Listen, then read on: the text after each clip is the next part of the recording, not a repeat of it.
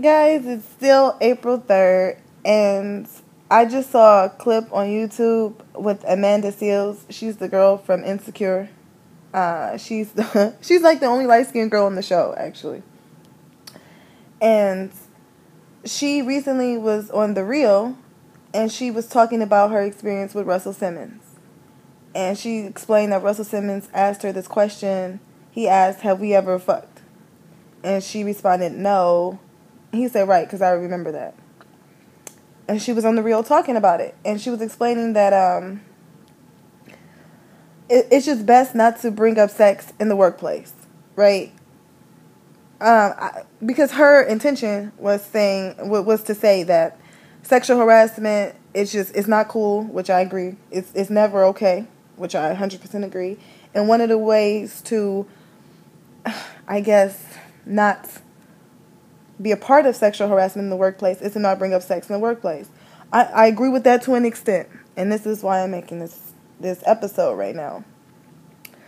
I believe that's really t- kind of mm, discriminatory because what about dancers, strippers, porn stars, um, playmates, or models for, you know, like sexual models, like like models who clearly get paid to be scantily clad, right? They're not necessarily selling anything. They're um, except the product that they're that they're sponsoring, right?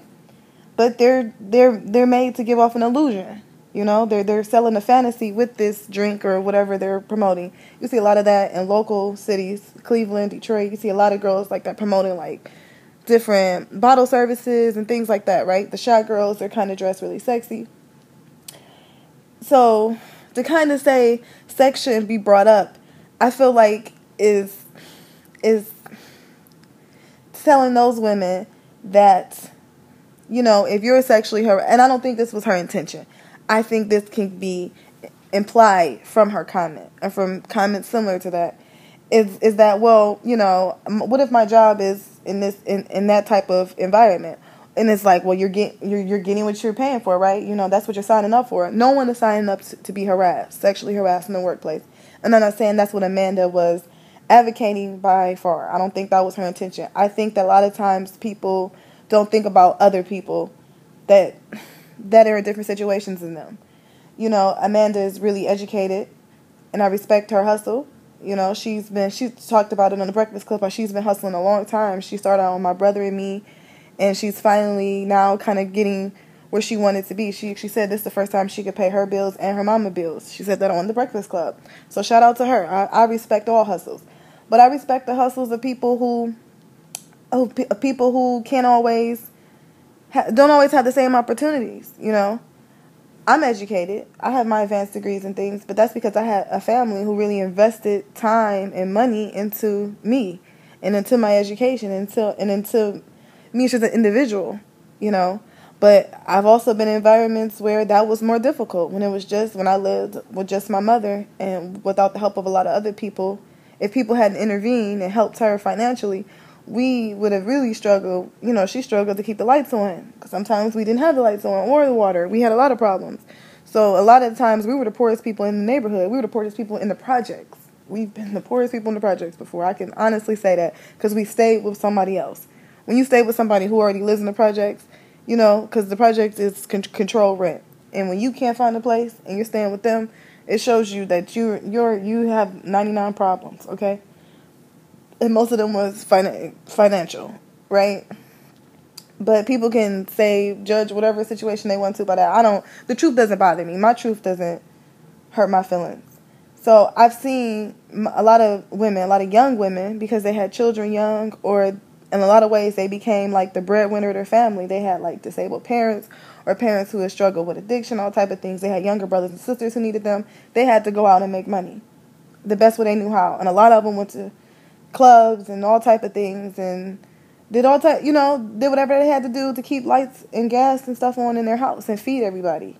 And I don't judge that. And I don't and, and, and I also don't teach them because they don't work or work in environments that I work in or have careers that I have that somehow they deserve to be harassed in their workplace. Because when you don't include them in the conversation, they tend to internalize that. You know, I deserve this because this is what I do. This is all I know. You know, I don't have education. I was I was labeled this in school. You know, I was um, I was in the remedial classes. I didn't even graduate. I don't have any of these things, so I don't deserve for people to respect me.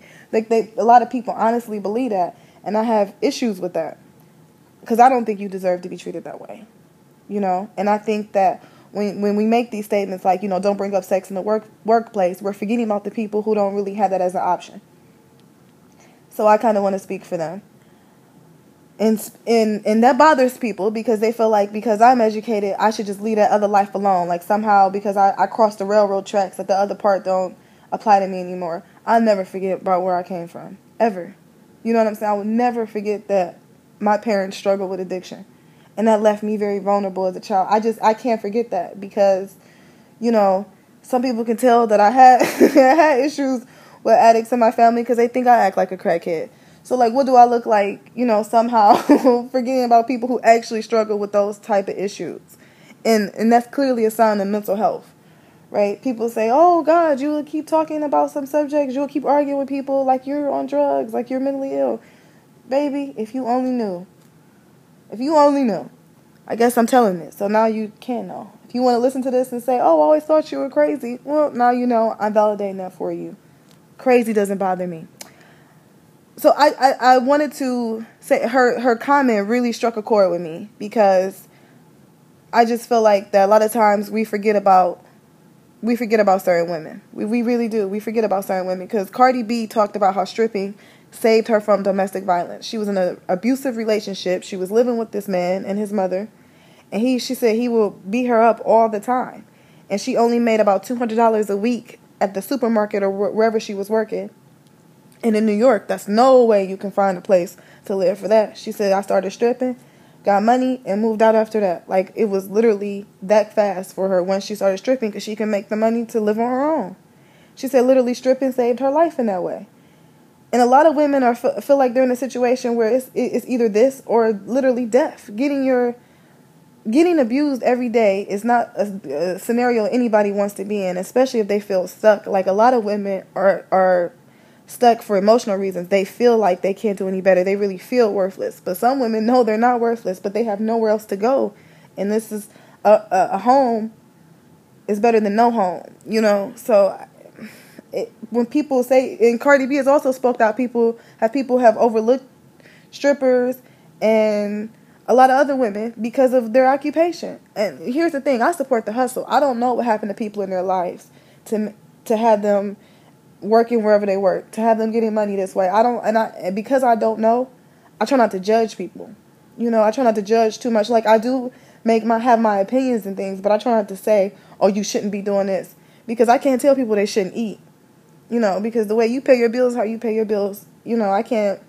But the thing, what you, what, what the thing that, what I've noticed is you feel like people have other options. But just because you see their options, that doesn't necessarily mean they see them, and it doesn't. And and I don't think that means they should be disrespected.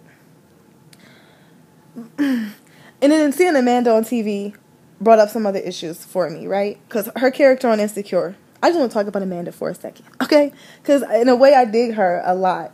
Like I really, I, I liked her interview with the Breakfast Club. If you haven't seen her interviews, you should check them out. They're really interesting on there because she gives a, a, a dope. She has a dope perspective.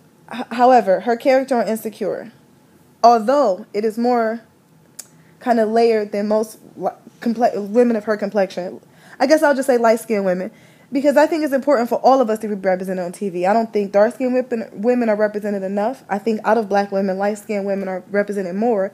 But I really didn't care for the depiction of any of us on TV.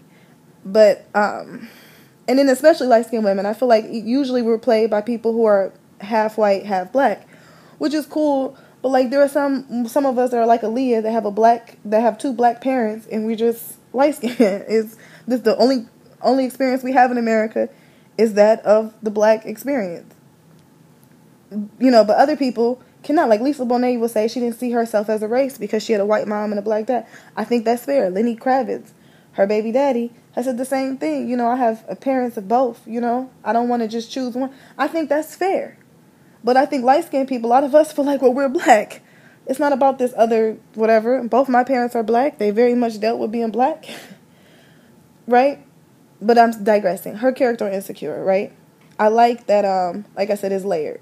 However, I just find it so irritating that the light skinned girl always have to be the codependent one on the man.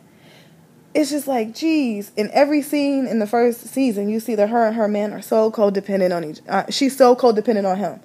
You know, she plans, and then in season two, she plans the perfect birthday. She plans this for him. Like her whole life is about his partner, how great he's doing. You know, her man would never do anything gay, never this, because they had these standards they had to live up by. You know, she was telling the other girls how you have to give head more because that makes him so happy. You know, she's same with Whitley Gilbert. Although Whitley was educated in things too. You remember she went to school rich to only find a guy to hopefully get married. Then she ended up marrying the guy who worked his way through everything. So he taught her a lot of character, a lot of humility. Like, is it possible we can ever just get a woman that's like light skin, like a lighter skin complexion that like doesn't have it all figured out? She has a problem sometimes keeping boyfriends, you know, if she doesn't want to be super submissive. You know, she cares about her career too. You know what I'm saying? Like she's trying to figure it out. She maybe came from a background that wasn't like rose co- covered lens. Like in my mind, she's not quite like Fiona from Shameless.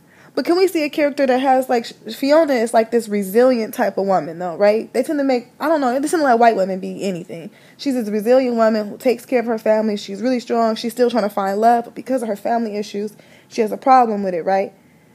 But I, I just feel like we don't. I would love to see that portrayed as a black woman, period. Because the black friend on that show is like a stereotype as well. She's with the dumbest white guy she could find. I, I and she's darker skin. I'm I'm having a problem with our betrayals okay, so back to the characters I've noticed. Like, okay, Freddie Brooks from a different world. She was like this hippie free spirit who kind of had no direction. She was just in college for an experience. She like as opposed to Kim who had to be super focused, super well put together all the time. She was from Ohio. You know, this was her family, you know, had a lot of expectations on her. She was almost perfect in every single aspect, right? which is fucked up too because I think the darker skinned women are allowed to be complex. They don't have to just be super perfect all the time either. They're allowed to come to college and figure it out. But I feel like all the characters are so somewhat boxed, stereotyped. Which we which is we all are in some ways a stereotype of ourselves, but I just wish the characters had more dimensions, that's all. And then like or Lynn from Girlfriends is another good example you know, either the girl is really like the Whitley and Dwayne, right? She's like all into her guy, or Amanda from Insecure. I don't remember her character's name on the show. She's like they're really into her guy, or they're like Lynn. They've been through so much they can't make any real connections with anybody. Like Lynn could make a spiritual connection with anybody at any given time, right? Lynn is one of my favorite characters, by the way. But I just feel like they I wish they would develop these characters more so that we're all just a mess and trying to figure it out. The conditioning works on all of us. We all know 40 some percent of black women will never get married. Even though there's a lot of arguments saying that marriage is not an accomplishment, but in our culture it tends to be. And even and so that means the, the a little over half of us are getting married and most of us and most of the people that in the, in the relationships it seems like everybody kind of think they think that they want to be in tend to be lighter women, lighter skinned women. I can't deny that my, my complexion has a certain has some some privileges to it, but it also has some restrictions to it because of the privileges. I feel like that, and that part never gets explored. And I and I still would say all the time that I've always dealt with the black experience. To white people, I'm still the black girl, but I get that it's a divide between complexions, and I just wish that we can all talk about that a bit more, right? So that's all the things I'm talking about. Seeing Amanda just brought up all these different subjects that I wanted to talk about. And it also, you know, it made me think about just her comment made me think about just the divides, period. So it got me to think about colorism and then classism. Classism amongst black people. Like we do that a lot it's like, well, we were able to achieve this under the restrictions, the same restrictions you were under, and you chose to stay in the ghetto, the hood, wherever you chose to stay ignorant, so you deserve whatever it is you get, right? And I, I, I feel like I just hate that argument. I don't think that's what she was trying to perpetuate, but I feel like unconsciously I still heard it. And it made me think about the interview Dame Dash did on the Breakfast Club with, and he mentioned Spike Lee. This was like three or four years ago. He mentioned Spike Lee, how Spike Lee um, didn't want to work with him or take a meeting with him because he said he heard Dame was arrogant. Well, who did you hear that from? whose opinion about this businessman is so important that you don't want to make money with him?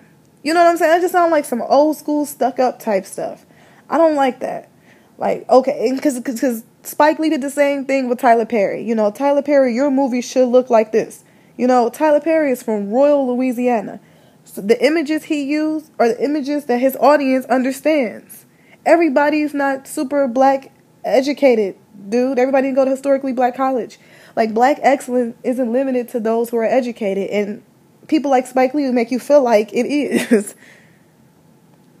and and that's so irritating. It's like, yeah, we know that his Spike Lee's family also was in the South. Crooklyn, the movie Crooklyn showed that how how they sent her to the South for the summer, but they were from the elite part of the South. They had couch beds and all these other things. You know, a lot of us when we went to the South to visit our family, we did not stay like that. We all stayed in a small little whatever, and we all stayed together. Like it was not this spread out big huge mansions. I mean, some people did acquire this wealth, some black people, but did, but a lot of black people don't know that had they don't have that experience. That's where Tyler Perry films come in, and we're all allowed to have our own different audiences. I just I didn't like that Spike Lee went listen to Dame Dash. Wouldn't even take a meeting with him. You know what I'm saying? Like Dame Dash helped create a tour for Jay Z that he made him over like eighteen million dollars. Back in the day when rapper when rappers definitely were underpaid, but definitely black artists were you know, I don't know. I think the business is supposed to speak for itself. And I just, I, the reason why I'm bringing all this up, because I tend to have these issues in my life. I lived a lot of different, a lot of different lives. You know, when I lived with my mother, I lived in a lot of lower income places. You know, we were usually the poorest one in the building, poorest one in the projects, the poorest one in the neighborhood, all of that. We were the people with our lights off, got our lights turned off sometimes, our gas shut off. A lot of problems. Then, you know, I lived with my grandmother for a while you know, and she was elite. She had by this time she had got her PhD in things. I was I was at her graduation. I was five when she graduated. So by the time I was like seven, eight, she was really starting to live that collegiate lifestyle at that point. My mom never knew that side of her. I did. You know, I was born into it. Then I eventually moved with my aunt and uncle, my great aunt, my great uncle. and they lived in a very much a middle class suburban life. I went to school from um, their house. You know, I moved in with them when I was 11. My sister, my twin sister, and I, and we got a whole different experience of black culture. You know, you saw black people with vacation homes and these beautiful homes, these beautiful cars. The kids all had cars. It was crazy. I had never really seen that before like on a day to day basis. I had never seen, and I remember uh, the, my first year there, I was really culture shock. I remember telling the teacher, "You really want us to learn this?" And she was like, "Duh!" Like she almost made everybody laugh at me because where I came from, the teachers didn't care if you learned it or not. They wanted you to learn it for whatever standardized test we were taking. It was like something out the wire. Whatever standardized test we were taking, we learned it then. And if you returned a little information, you were considered a little bit smarter, and they made you feel smarter. And that was it. And a lot of the so-called hood black people were like the poorer people who live maybe in the apartments. Were not hood to me at all because they had been living like that their entire life. You know, they lived in the suburbs version of the projects, which was like a couple of apartment buildings, which was so different because it was no crime, it was still kept really well, all type of stuff. So, because I lived in these different paradigms, these different paradigms, I, I feel like I lived different lives in a lot of ways. I got to see how people just treat you differently when they think you have different things. And then you see how people start to look at themselves. Like I noticed my friends who I grew up with, you know, when I was living with my mom. It's like they almost believe they deserve to be treated less than. You know, well, I dropped out of school, or I when I was in school, I was in the slow class, I was in the remedial class, so I don't deserve to be talked to or respected. You know, I, I really don't understand things. They really thought they didn't understand anything. But I'm like, the way y'all living, you you can't be stupid out here being you know you're not keep living being stupid. So no, you you you all get things, but just maybe not in the same context that it that's academic, but it's still very much information. Like you all still pretend, you know, you still have to, you still know very important skills, and you can tell like. Be, you and you could tell that they thought they didn't, and and then when you hear certain people talk, who are so called the voice of black culture and black America, you get why they still feel that way and why they're afraid to change their surroundings because they think this is all they deserve. They think that they deserve to live in neighborhoods that that's like this. When they don't. No one deserves to be afraid to walk outside or afraid to let their kids play outside for too long. And and I I, I don't know. It, it it makes me sad though. It makes me sad to talk about because you know no matter what it's a mindset. It's it's just a mindset. You know, your neighborhoods are created by the people who are like-minded and you realize why certain people move out the neighborhoods and all find each other right? But but I think it takes diversity of mindsets to create a whole community. Because we're only going to ever have half of community. We're only going to have half the people represented, half the people happy, half the people this. If if we all don't just come together and say, you know, whatever led you to this decision, whatever pain you're dealing with, you know, talk to me about it. Maybe I can help. Maybe I can help you see it differently. Maybe I can show you that you know, you're more than your physical body. You can make money off your mind if you do these steps, you know? If you change these priorities, if maybe you value this instead of this. Like if we just talk to each other, have real conversations with each other, it wouldn't sound so like a us versus them because I don't think that was Amanda's intention or her comment by saying, you know, don't bring up sex in the work workplace. I just think that she wasn't thinking about the people who don't really have that as an option, whose sex is part of the workplace you know, or the sexual conversation is part of the workplace, not necessarily the act of sex, but the sexual conversation, the energy, the sexual energy is part of your workplace. So I don't know. I, and then when so when I hear these divisive statements, I feel like I have to say something.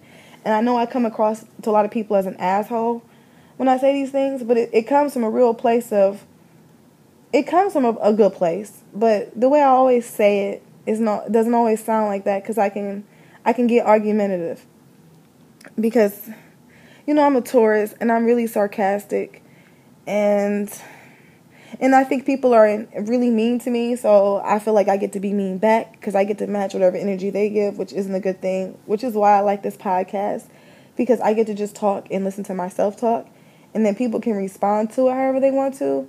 And if they decide to cuss me out, they can. I get a lot of like DMs on Facebook and Twitter and stuff, or some people actually talk to me and say they really appreciate my perspective. I get a lot of that too. So I keep showing me love. I'll keep showing you love.